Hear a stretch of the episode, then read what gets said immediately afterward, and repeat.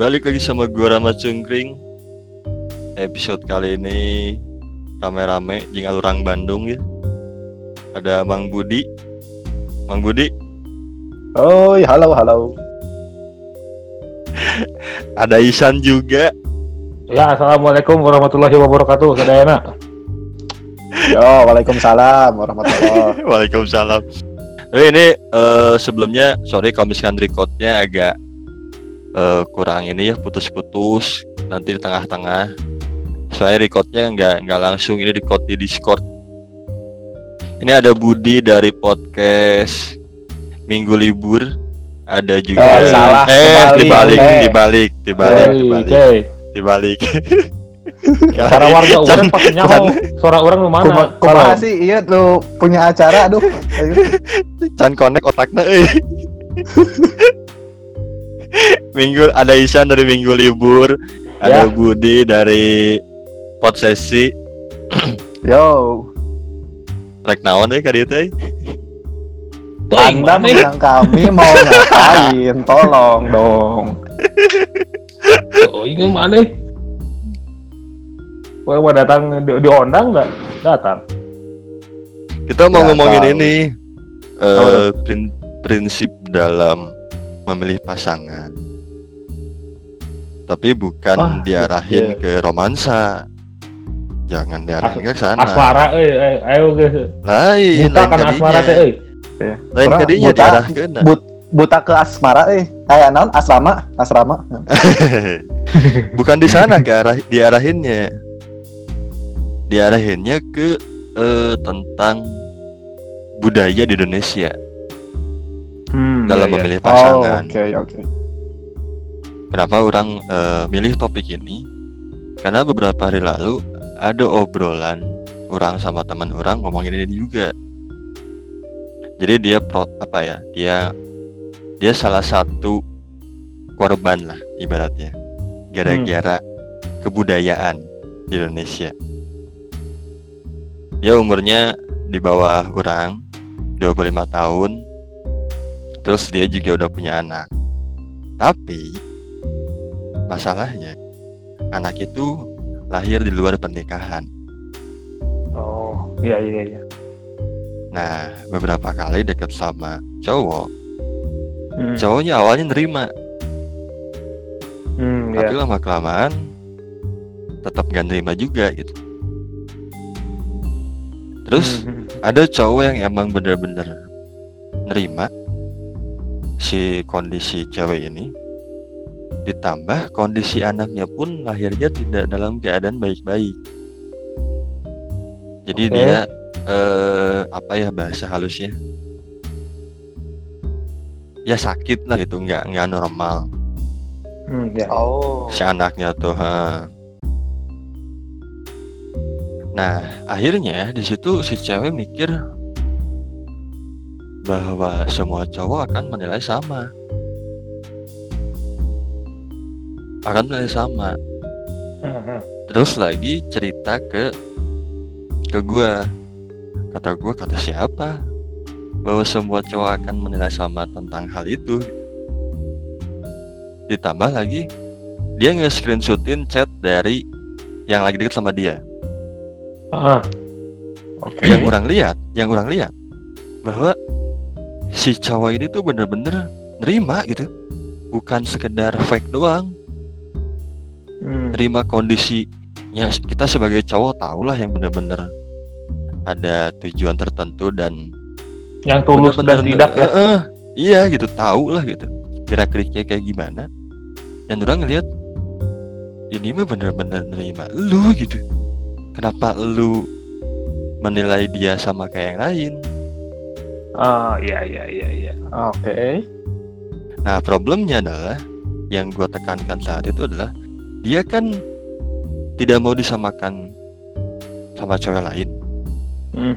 karena dia berpikir eh, dia bisa kerja sendiri nggak akan nyusahin si pacarnya ataupun nanti calon suami nggak akan nggak akan menyusahkan gitu nah ketika Hmm. dia nggak mau dinilai seperti itu kenapa dia akhirnya men- melakukan hal yang sama ke cowok itu gitu bener nggak sih Iya, iya, iya. Ya kan? Iya. Make Betul, sense betul, betul, betul. Iya. Benar-benar. Akhirnya Kalau kalau akhirnya eta kan kalau kalau kalau dipotong yuk. Tadi ada suara tukang cuanki ya. Mang seribuan mang beli mang. Ya Nah, akhirnya kan orang mikir eh si Mang itu can indit kan eh Kata di mana sih kan? Di orang ya. Gimana yang buat itu buat itu buat. Top, top, Heeh, bener aja udah lewat. Hah? Bener. Ah, guys nggak jauh, lanjut lanjut lanjut. lanjut. nah, akhir... nah akhirnya kan akhirnya kan orang mikir ya kenapa lu ngelakuin hal yang sama cuy pertama Ya kalau lu nggak mau di- diperlakukan sama ya lu juga jangan ngelakuin itu dong ke cowok itu. Ini cowok baik-baik loh gitu. Kenapa lu malah mau ngejauh dengan alasan itu gitu. ah nanti juga dia lama kelamaan juga tetap gak nerima. Hmm, kata gue nggak semua orang kayak gitu. Nggak semua orang kayak gitu. Nah eh yang orang pengen tanyain adalah pengen obrolin tuh gimana nih kalian menghadapi stigma orang-orang terhadap hal itu gitu terhadap latar belakang pendidikan perbedaan umur terus lagi apakah dia udah pernah nikah atau enggak dia punya Hmm. anak terlepas Iya, iya. dari anaknya itu dalam pernikahan atau bukan atau bahkan dalam perbedaan agama nah, gi- gimana pendapat kalian tentang stigma terhadap hal orang ya. itu gitu Coba saya, coba ya. Coba gue ya. ya ya Wan, gimana menghadapi generalisasi yang seperti itu ya? Apa ya? Mending gini aja kalau menurut gue ya. Mending adu keyakinan deh, adu adu yakin. Gue bisa meyakinkan eh cewek ini gitu ya. Mending kayak gitu deh. Soalnya kalau tidak apa dong kalau tidak seperti itu eh, si cewek ini akan ter akan apa namanya mindsetnya akan terus batu kayak gitu oh itu mah untuk ngadepin si cewek yang barusan ya betul betul betul Nah, cuman yang orang tanyain adalah gimana stigma orang-orang pendapat-pendapat lu gitu. Gimana tentang stigma itu gitu tentang perbedaan umur, nggak setuju karena perbedaan umur. Karena ya oke lah kalau perbedaan agama terlalu terlalu apa ya terlalu ekstrim gitu ya. Ya. Tapi per- perbedaan Ya, ya. umur untuk eh, latar belakang pendidikan dan lagi dia Kata- gini, nikah atau gini gini kak gini kak karena sebenarnya kan eh, stigma yang di eh, apa namanya yang disematkan seperti itu adalah karena kita sangat-sangat benar apa ya sangat-sangat benar mematuh kepada budaya ketimuran ya sekali Ya. gitu sangat-sangat banget gitu. Sementara perbedaan umur dan segala macam itu sangat-sangat eh, apa namanya sangat-sangat kebarat-baratan ya istilahnya gitu. Dalam secara pola pikir eh kalau menurut orang ya sebenarnya yang seperti itu mah bukan bukan sah saja ya memang ya normal lah sebenarnya kalau yang kayak gitu tuh. Ya ya. ya no- normal kak. Karena kita hidup di eh, tengah di negara yang sangat menjunjung tinggi si budaya ketimuran ini gitu Nah, Bang Budi gimana Bang Budi? Ah, gini nih, Ah, kita balik dulu ke akar permasalahannya bahwa eh, di masyarakat ini timbul sebuah eh, stereotip atau timbul sebuah persepsi bahwa oh cowok tuh harus usianya yang lebih tua nih dibandingkan cewek atau enggak Nah, itu. ha. eh, oh eh, kenapa si perjaka harus menikahi yang janda atau oh kenapa yang perawan harus menikahi yang duda atau dan lain sebagainya Ya, yang ya. menimbulkan uh, persepsi di masyarakat dan seakan-akan menjadi normal. Seakan-akan loh di sininya karena Ya, uh, persepsi itu bisa aja salah gitu dan uh, tidak semuanya benar. Nah, masalahnya adalah orang-orang yang mempercayai persepsi seperti ini mereka menganggap dirinya benar dengan membawa persepsi tersebut. Sehingga ketika ada seseorang yang beda, anggaplah bedanya karena usia misalkan si Ya. cowoknya uh, lebih muda 10 tahun, anggaplah seperti itu. Nah, karena ada ada satu kasus yang beda dari sudut pandang dia, beda dari persepsi masyarakat, dia menyalahkan si pasangan ini padahal it's a normal thing gitu. Itu suatu hal yang normal sebetulnya. Kurang Nah, lebih ya kayak gitu sih. Mhm. Nah, kalau misalkan mana ini berdua dihadapkan dengan situasi itu gitu. Ini masanya kita nggak ada nggak ada narasumber cewek jadi mungkin akan kurang ini ya. Kurang balance gitu pendapatnya. Cuman ya udahlah nggak apa-apa gitu. ya. Gimana kalau misalkan Maneh dihadapkan dengan keadaan itu? Maneh ma- bermasalah nggak dengan semua itu? Terlepas dari perbedaan umur, eh per- nggak tahu lah kalau perbedaan agama pasti akan sulit ya. Tentang latar belakang keluarga apakah dia punya anak atau enggak terhadap hal itu gitu. Gimana tuh? Ah, oke. Uh, ulang dulu ya. orang, orang dulu ya? atau siapa? Buat gue di Oh, mana bud dulu, atau orang bud? Oke. Pisan dulu aja, Sof. Eh, menurut gue mah ya gini ya. Kalau kata gue sih gini. Itu masa apa eh, pemikiran yang tadi soal latar belakang keluarga dan eh, umur gitu ya. Itu mah ya, is- ya bener kata Budi a normal thing sebenarnya. Tapi karena benar kita adalah yang sudah kulturnya seperti itu jadi kebanting. Nah kalau menurut gue kalau menurut gue gini. Eh, tidak ada yang bisa memaksakan cinta walau eh, apa namanya dengan kondisi apa pun. Ya. Gitu. Karena cinta itu abstrak gitu. Eh deh ngeri. Ngeri Ngeri kali. jadi nggak nggak nggak Nggak- masalah san cinta ya cinta mah nggak ngeliat lu umur berapa ya. untuk saling mencintai ya is, eh, apa namanya is universal gitu uni- universal dan abstrak gitu. Dan cinta itu sangat unik lah pokoknya dengan segala seluk beluk dan segala macamnya ya gitu ya. Oke oke. Jadi bener-bener ya udahlah gitu. Kalau emang harusnya sama ada salah satu dari itu nggak masalah gitu kan? Nggak masalah nggak masalah sangat sangat tidak bermasalah. Sangat bang Budi bang Budi Uh, gini, kalau kalau gue dihadapkan dengan situasi seperti itu ya, misalkan uh, mengenai perbedaan usia atau perbedaan status dari pasangan gue, buat gue sendiri itu tidak ada masalah sama sekali ya, karena ya yang gue cari, yang gue cari ini adalah seseorang yang bisa klik dengan gue. Itu satu. Si pasangan gue itu klik dengan keluarga gue, dan gue klik dengan keluarga dia. Just it. Cukup tiga itu aja kalau buat gue. Nah masalahnya adalah keluarga kita menerima nggak hal seperti itu. Nah kalau keluarga Nah. kita itu tidak bisa menerimanya, nah kita harus melakukan lobby atau kita kasih pengertian. Nah kita kasih Ya. pengertian ke orang-orang yang ada di sekitar kita, bahkan ke keluarga dari kita serta pasangan kita sehingga si stigma yang timbul di masyarakat itu ketika diserang ketika masyarakat atau tetangga lah anggap atau saudara Ah. jauh lah atau siapa pun itu menyerang Iya. dengan uh, stereotip yang digeneralisasi kita dan keluarga besar kita itu uh, menganggapnya oh itu biasa aja ya udahlah gitu. Nggak jadi satu masalah yang besar gitu. Gitu sih kalau ke gua ya. Ini kemarin kan eh, orang sempat ngobrol sama sama Budi ya. Panjang lebar ya Bud ya yo tentang hal ini juga. Ini sebenarnya kayak nyangkut. kayak, kayak gue udah tidur deh. Oh udah Ngobrolan udah. udah tibra udah tewas tibra. Udah tumbang kayaknya. Kala euy marane licik euy orang ngomong aya bahasa Sundana. Baik itu naon Naon? Nah, dan sudah ada di- su- di podcast kan sudah ada formal sudah ada Iya, informasi ya orang Bandung jadi oh iya. ke bahasa Sunda. nah gini gini. Ke- ke- kemarin kan ngobrol sama sama Budi ya Bud ya ini bisa dikaitkan dengan dengan HAM ngeri nggak yang kayak gini bisa dikaitkan dengan HAM loh wah berat ya Iya. berat bener berat, Ya, Bud, berat, ya.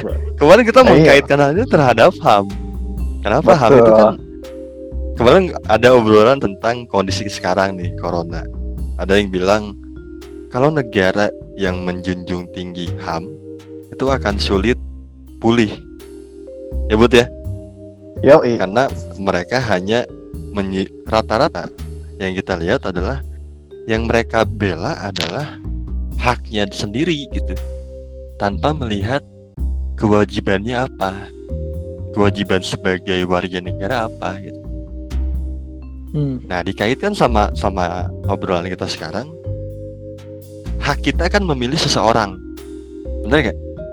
Betul Hak kita memilih seseorang mau latar belakang apa pun, mau dia masa lalunya kayak gimana pun, itu adalah hak kita. Tapi masalahnya dengan eh bahwa pernikahan itu bukan hanya hanya berdua, tapi menyatukan dua keluarga. Akhirnya kita harus melihat juga kewajiban kita. Ya tadi kayak yang dibahas tadi gitu kan, kita harus harus ada negosiasi dengan keluarga. Iya Men- menurut orang sih itu adalah sebuah kewajiban yang harus dilakuin ya. iya gak sih? Make sense gak? betul betul Iya. betul karena karena ketika- gini loh Hmm. ah gimana nih Ya Sek, gimana gimana? Ah, karena karena gini loh Ah, ketika kita mempunyai hak untuk memilih seseorang siapa pun itu dengan latar belakang apa pun di balik itu pun kita harus menunaikan dulu atau melaksanakan dulu kewajiban kita terhadap keluarga-keluarga kita. Misalkan kalau Ya. keluarganya kalau keluarga kita nggak bisa terima apa yang kita pilih ya kita jelaskan toh eh, saya milihnya ke si A karena ini ini ini. Jelaskan alasannya seperti apa lalu jelaskan kenapa milihnya si A bukan si B bukan si C. Sehingga ketika kita telah menjalankan kewajiban kita kita berhak mendapatkan sesuatu yang berhak kita dapat gitu Ya. Iya make sense makanya sama orang bener-bener dikaitkan dengan tentang HAM tuh ya ini tentang hal ini juga bisa dikaitkan gitu. Karena yang orang lihat banyak orang yang terhadap pilih pasangan tuh eh, kadang-kadang nggak nggak apa ya nggak melihat keluarga juga gitu ketika mereka udah ah udahlah gue pengen, pengen sama yang ini gitu. Terus akhirnya ya ngeb- ngebangkang ke keluarga. Yang gue lihat ya yang gue lihat itu tanpa ada negosiasi. Masalahnya itu gue ada salah satu teman yang memang tanpa ada negosiasi sama sekali. Nggak dijelasin tidak berusaha untuk diyakinkan bahwa pilihannya ini seperti apa latar belakangnya dan lain-lain. Berusaha untuk bikin keluarga percaya kan kewajiban kita gitu. Bahwa karena gini orang mikir mereka tuh emang pengen yang terbaik buat anak-anaknya. Bener nggak? Setuju nggak? Setuju. oh setuju. Iya setuju. kan? Orang tua tuh pengen yang terbaik buat kita semua. Cuman kan masalahnya yang tahu kita bahagia sama siapa nyaman siapa sama siapa itu kan kita sendiri Hmm. bukan mereka. Ya Ya betul. betul. Pilihan mereka yaitu yang terbaik buat mereka gitu di mata mereka. Tapi bukan berarti maksud orang tuh bukan berarti ketika di pilihan yang dipilihkan dengan si A misalkan bukan berarti menurut kita juga itu bukan berarti nggak baik gitu. Hmm. kita setuju bahwa itu baik gitu kan. Cuman kan masalah kenyamanan susah di otak atik ya. Ya betul betul Iya kan Cuman kan sampai selalu Budi sampai- sampai ngomong gini Cinta tuh nggak bisa milih mau jatuh sama siapa gitu. Kalau cinta bisa milih jatuh sama siapa nggak akan ada orang yang sakit hati Setuju gak? iya Hmm. dan namanya Iya, dan ya. namanya bukan jatuh cinta Namanya apa karena Bud? cintanya karena kalau kita bisa memilih kita mau mencintai siapa itu namanya bukan jatuh cinta karena jatuh cinta itu adalah sesuatu hal yang tidak bisa kita prediksi ke siapa orangnya kalau mau Hmm. kita Hmm. kalau mau kita uh, punya hak untuk memilih kita mau mencintai siapa itu bukan jatuh cinta bahasanya tapi membangun cinta karena kita sendiri yang membangun iya, iya.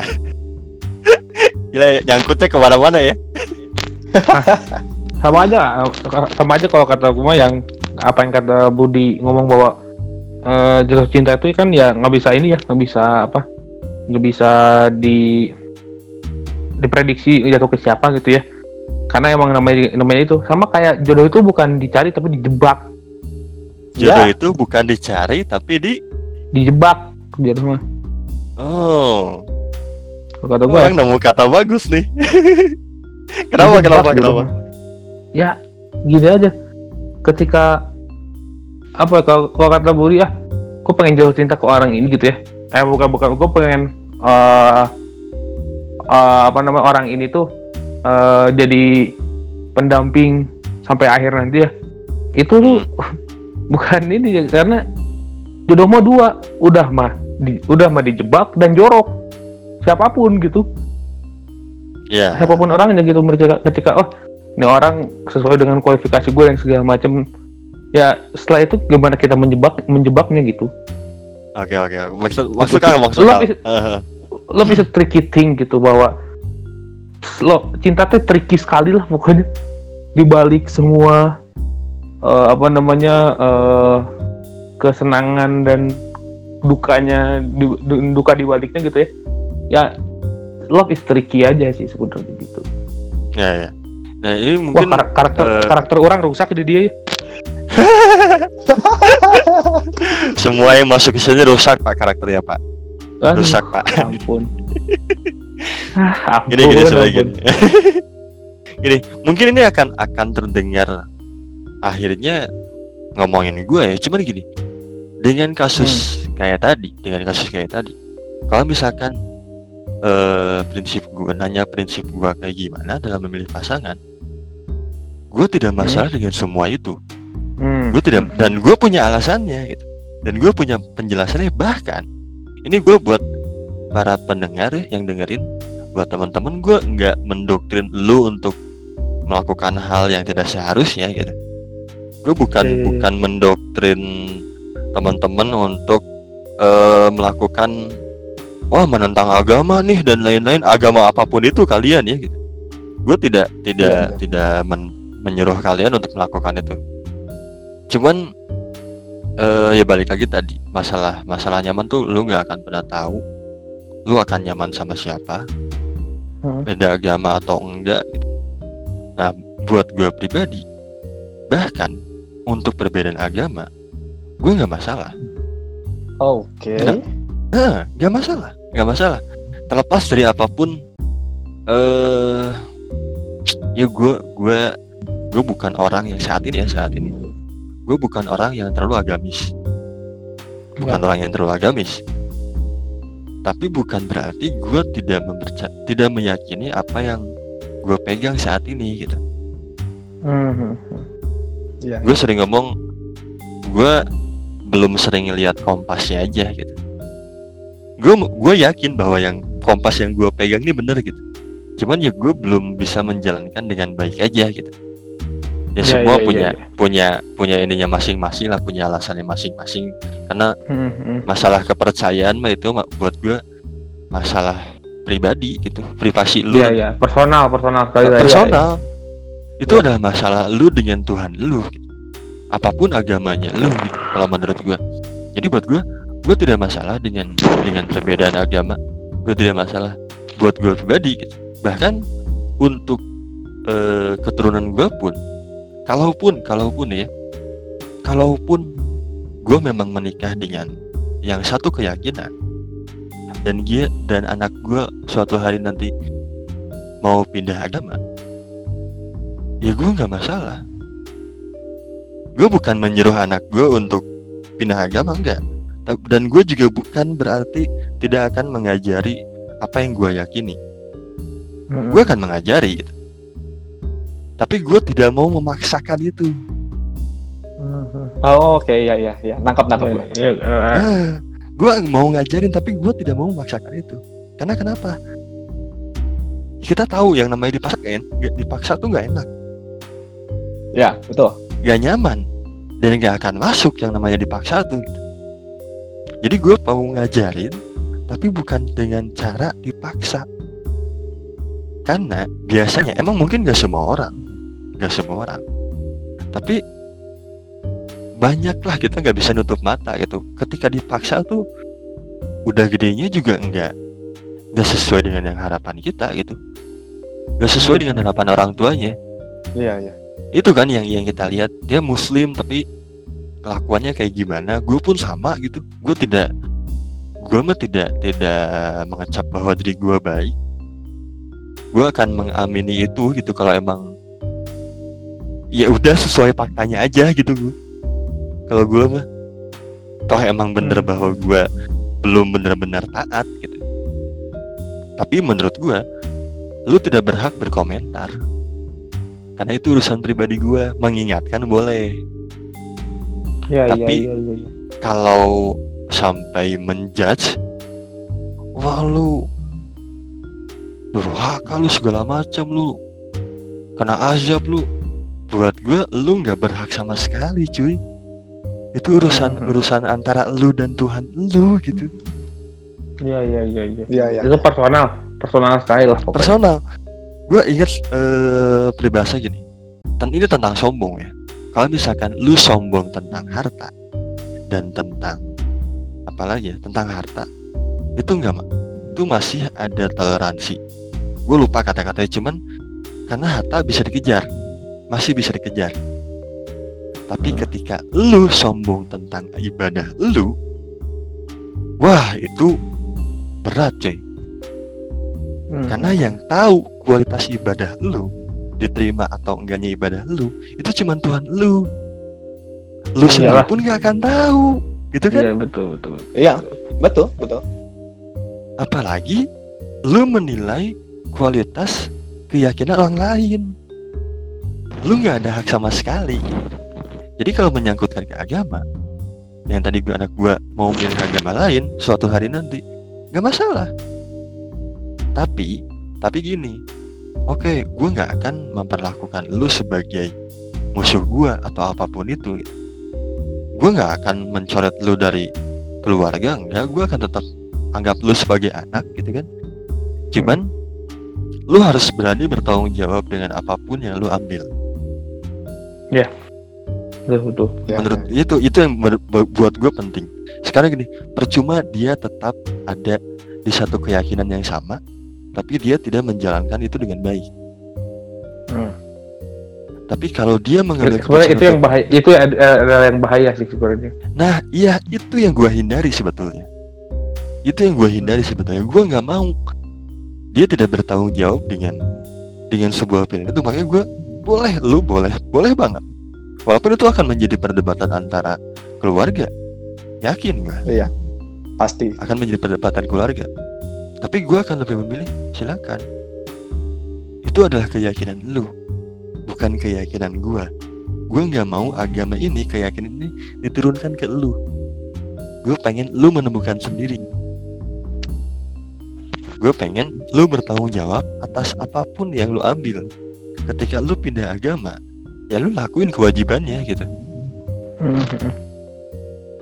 Ya, ya, ya, ya. ini iya ngerti gue. ya ini ter- terlalu terlalu deep ya, cuman nggak masalah gitu itu tentang agama sekarang masalah apa lagi agama aja menurut gue masih bisa dikasih alasannya dan masih make sense gitu kan untuk agama apalagi tentang pendidikan menurut gue lu latar belakang pendidikan apa pun itu tidak menjamin lu pinter atau enggak coba deh mungkin lu berdua ada pengalaman lu ketemu dua orang yang latar belik be- pendidikannya jauh tapi mungkin kualitasnya berbeda Oh banyak, banyak banget. Banyak, banyak, banyak, banyak, banyak banyak banget. banyak banget. Gua gua uh, gua tuh salah satu orang yang suka berkegiatan atau uh, berkecimpung di sosial masyarakat ya di pengabdian masyarakat gitu. Dan ah kebanyakan kebanyakan orang-orang yang ikut ke pengabdian masyarakat itu mereka kalau ditanya ijazahnya apa biasanya nggak nggak terlalu tinggi lah gitu kalau kalau kita bisa bilang standarisasi pendidikan yang secara formal ya Ya. bisa dibilang mereka nggak nggak terlalu tinggi lah gitu ada yang SMP atau SMA but nih pendidikan secara formal itu tidak menentukan kecerdasan atau tidaknya lu hmm, si pendidikan formal itu ya cuma sekedar lu belajar tentang ilmu A, B, C, lalu lu dapat sertifikasi dalam bentuk ijazah. Just Iya. it. Tapi pembelajaran yang sebenarnya adalah ketika lu berinteraksi dengan masyarakat dan lu bisa mengaplikasikan apa yang lu dapat baik itu secara formal atau non formal ke masyarakat itu sendiri.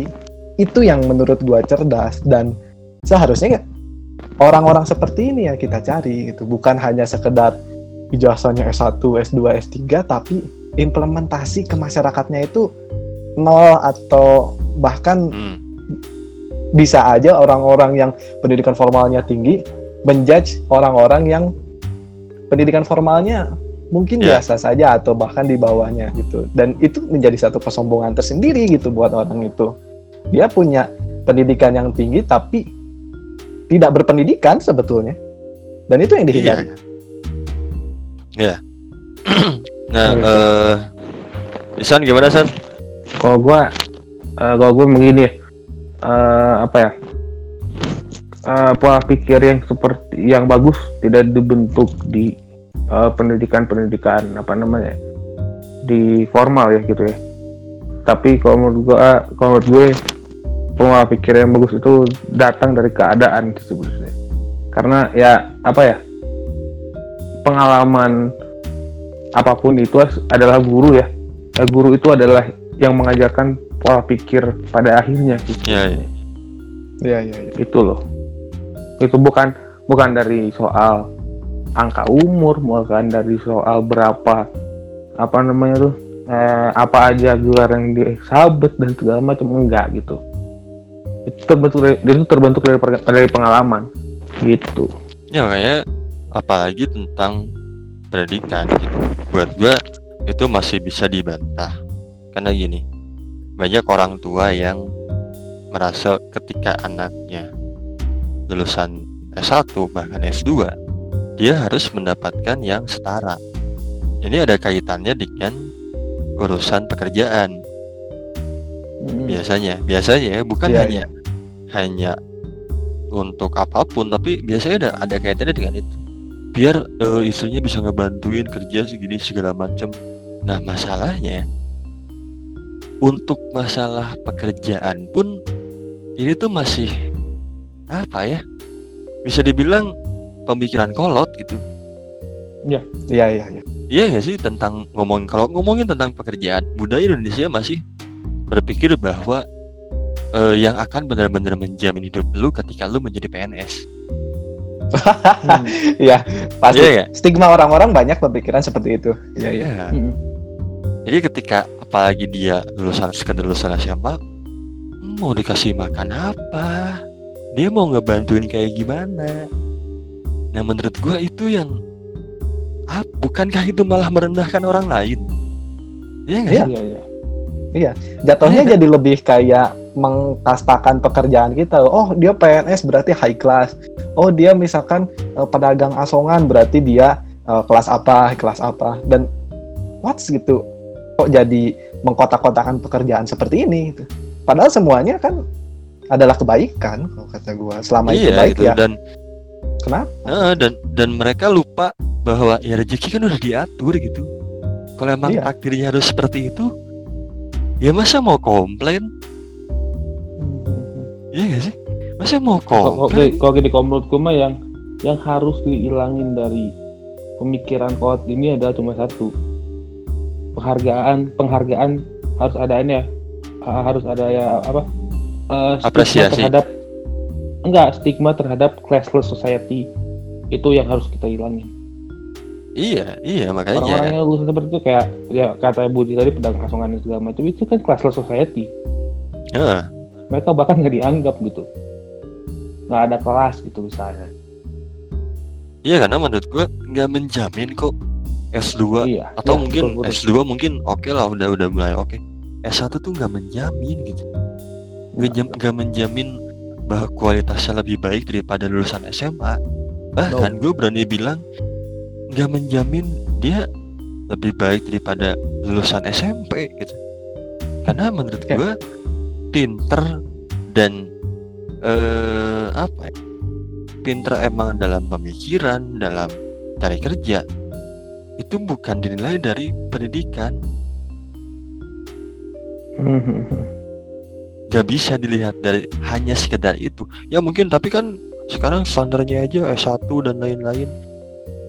Ya karena lu nya juga mungkin nyarinya yang ke sana gitu. Lu Iya. belum dapat aja pekerjaan yang mungkin bisa dibilang ini hoki dan lain-lain. Padahal banyak untuk sekarang. Apalagi di zaman sekarang teknologi udah secanggih ini ya ini record aja nggak ketemu gitu. Hmm. semua orang bisa kerja dengan cara apa pun Hmm. dengan cara apa pun. Ya. contoh paling kecil paling kecil kita eh, banyak mungkin nggak tahu teman-teman ada yang pakai jasa ini atau enggak? Ada eh, kalau yang umum di Indonesia adalah eh, web seribu lancer atau yang eh internasionalnya mungkin Fiverr kita bisa kerja di sana ibaratnya. Jadi sebagai freelancer dan bayarannya itu tinggi bayarnya Hmm. tinggi per jobnya tuh tinggi. Apalagi orang-orang yang berkecimpung di, di dunia desain. Desain juga nggak harus lulusan S1 balik lagi kok itu mah ngulik. Bener nggak? Hmm. Iya, jam terbang Iya kan? itu. jam terbang. Jam terbang balik lagi. Makanya buat gua pendidikan tuh nggak nggak bisa menjamin juga gitu. Nggak bisa menjadikan standar apalagi untuk memilih pasangan buat gua nggak nggak adil lah kalau misalkan eh, pendidikan harus dimasukin juga kalau agama Hmm. oke oke gua masih eh apa ya masih sangat bisa menerima itu masih sangat bisa Hmm, menerima hmm. itu tapi kalau jatuhnya kepada pendidikan buat gue itu nggak make sense Hmm. ya ya terus apa lagi iya. Tapi agama udah pendidikan atau perbedaan umur bahkan janda lah atau dia udah punya anak terlepas dari pernikahan atau bukan. Sekarang gini perbedaan umur. Gue pernah diomongin gini. Kalau misalkan lu nikah sama yang lebih tua dianya udah nggak bisa ngasih lu anak tapi lu nya masih pengen punya anak. Buat gue itu ada resiko. Iya, setuju nggak? Baik lagi kayak yang tadi, lu harus terima risikonya ketika lu mengambil sebuah keputusan. Bukan hanya tanggung jawabnya aja gitu. Iya iya iya iya. Ada hal lain yang harus dipertimbangkan kan gitu ya. Iya, gitu. Dan mungkin lu akan men, men- apa ya? menstandarisasi. Oh, gua nggak apa-apa lah sama yang lebih tua tapi ada batasannya. Tapi itu datangnya dari lu, bukan dari pihak luar. Hmm. Jadi menurut gua umur pun nggak bisa dimasukin gitu. Nggak bisa lu memukul rata kayak gitu gitu. Nggak make sense gitu. Apalagi tentang dia udah punya anak ataupun dia menikah, pernah menikah atau enggak. Apalagi Hmm. gitu. Itu kan masalah lu orang cuy. Iya. Iya gak sih? Lu gini aja deh, lu emang mau diogit-ogit masalah lu tuh? Gak disetujuin gara-gara lu kayak gimana? Hmm. Gue tanya gitu ya aja. lah. gue tanya gitu aja gitu. Sama orang-orang yang berpikir bahwa menikah dengan terlepas itu cewek atau cowok dia udah punya anak atau bahkan udah pernah menikah harus tidak disetujui karena itu. Gue tanya ke lu buat lu mau nggak diperlakukan itu? "Nih, pasangan lu gini segala macem. Lu mau nggak gitu diperlakukan hal yang sama? Diogit-ogit masa lalu lu. Hmm.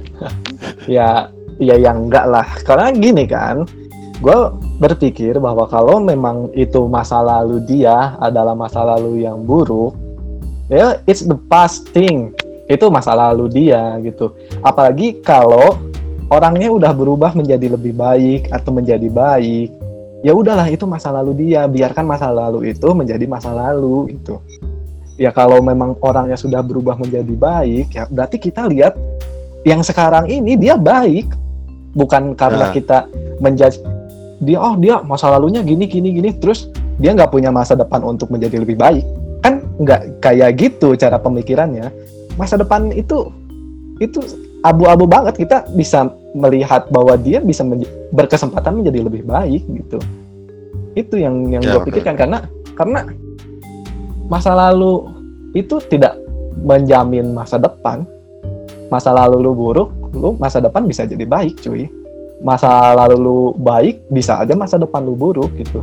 Dan yang kita nilai dalam memilih si pasangan ini adalah ya sekarang. Lu sekarang kayak gimana? Kalau lu sekarang baik oke. Kalau lu sekarang buruk oke gimana? Gitu. Antisipasinya kayak gimana gitu betul. Hmm. kurang lebih kayak gitu. Dan ingat orang yang buruk itu punya masa depan yang bisa baik gitu. Hmm. Ya. San, komentarnya Ya. San Ya gimana menurut gua terhadap Eh, dua hal tadi. eh, apa namanya si eh, soal yang seperti tadi benar kata Budi bahwa eh, ketika kita punya apa namanya ketika apa pun itu apa ah, ketika apa pun itu eh, Masa lalunya. yang terjadi di hidup kita ya Ah. ya di ke depan di, di depan kita nggak ada yang tahu bahwa akan sukses atau tidak. Gitu loh. Itu belum tentu yang eh yang punya gelar di depannya bisa sukses. Ya kita nggak pernah tahu gitu. Ya sebenarnya Ya. mah jalanin aja. Ah, setuju, setuju banget. Jadi itu loh. poinnya lu berdua juga nggak nggak akan apa ya nggak akan mempermasalahkan itu ya mungkin tapi kecuali enggak lah.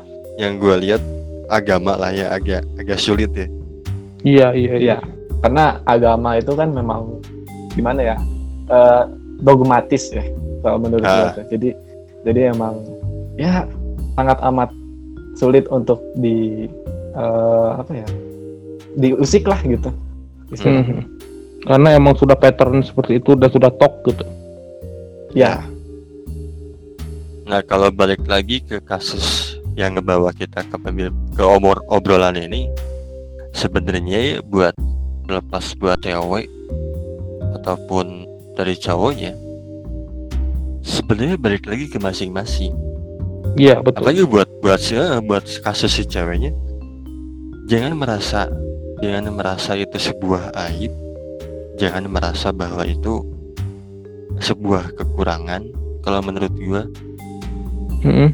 karena gini ya kalau lu ingin diperlakukan sama orang baik ya lu juga harus memperlakukan orang baik gitu.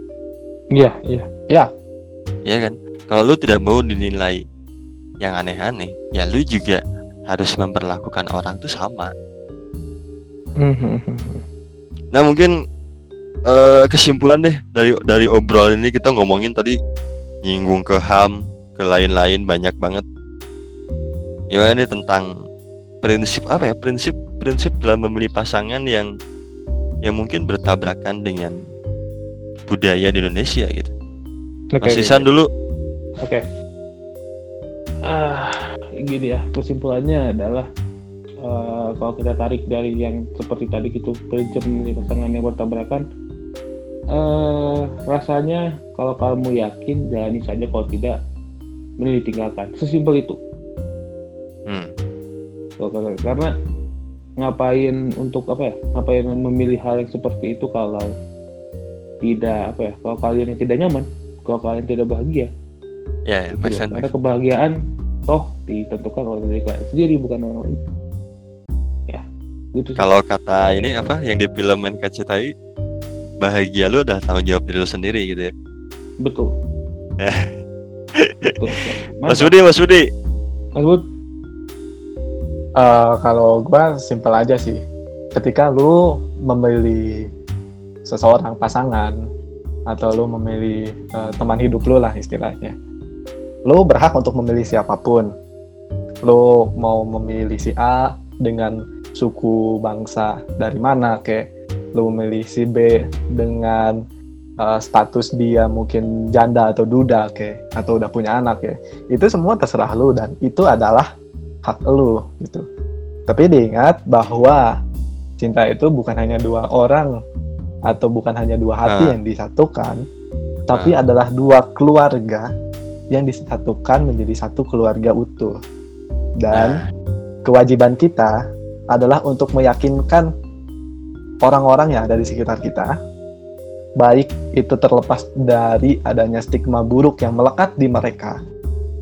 Sehingga kalau kita udah menyampaikan bahwa eh, ada kebaikan dan banyak kebaikan dari apa yang kita pilih, kita berhak untuk menerima eh, manis dari apa yang kita pilih itu.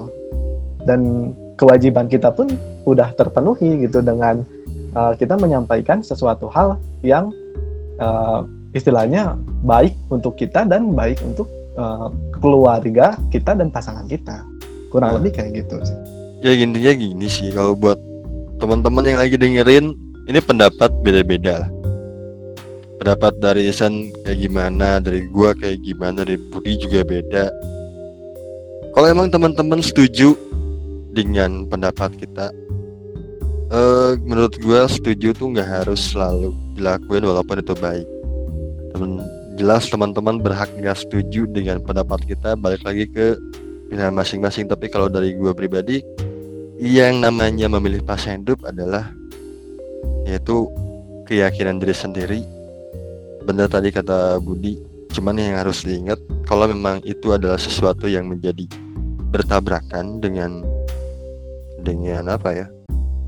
Dengan keluarga pendapat keluarga ya buat gua harus dikomunikasiin harus ibaratnya di lobby lah gitu ya lu berusaha untuk bikin keluarga lu percaya bahwa pilihan lu ini yang terbaik buat lu gitu.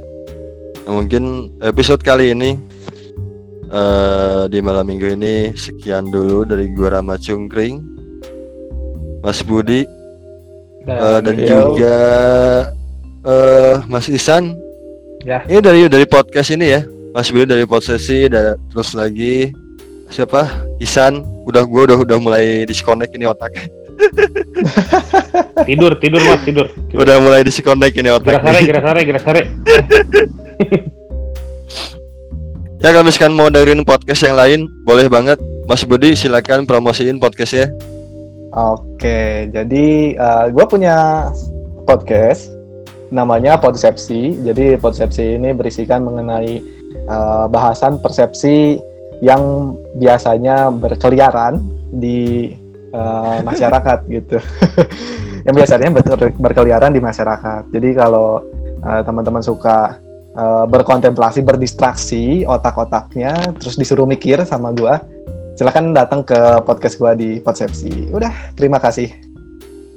Mas Isan, Eh, kalau mau tahu ada rilisan terbaru mus apa rilisan musik terbaru di side stream ya kebanyakan silakan mendengarkan Oh. minggu libur podcast weekly report dan kalau kalian mau eh, mendengarkan topik yang dibicarakan eh, saya minggu libur Isan minggu libur dan eh, teman-teman eh, siapa pun itu dengan topik apa pun bisa didengarkan di minggu libur podcast topik jangan lupa dengar minggu libur podcast begitu aja oke siap. Terakhir dari gue, eh, ya itu aja sih sebenarnya. Anjing dis- disconnect bisa nih ya. Aduh, tidur, tidur. Gerak sare, gerak sare. Tidur, iya Sare, kurang tidur sih. ya udahlah. Terakhir dari gue, bahagia sendiri buat apa? Rasa sendiri itu kan gak nyaman. Gua Rama Cungkring dan teman-teman pamit undur diri.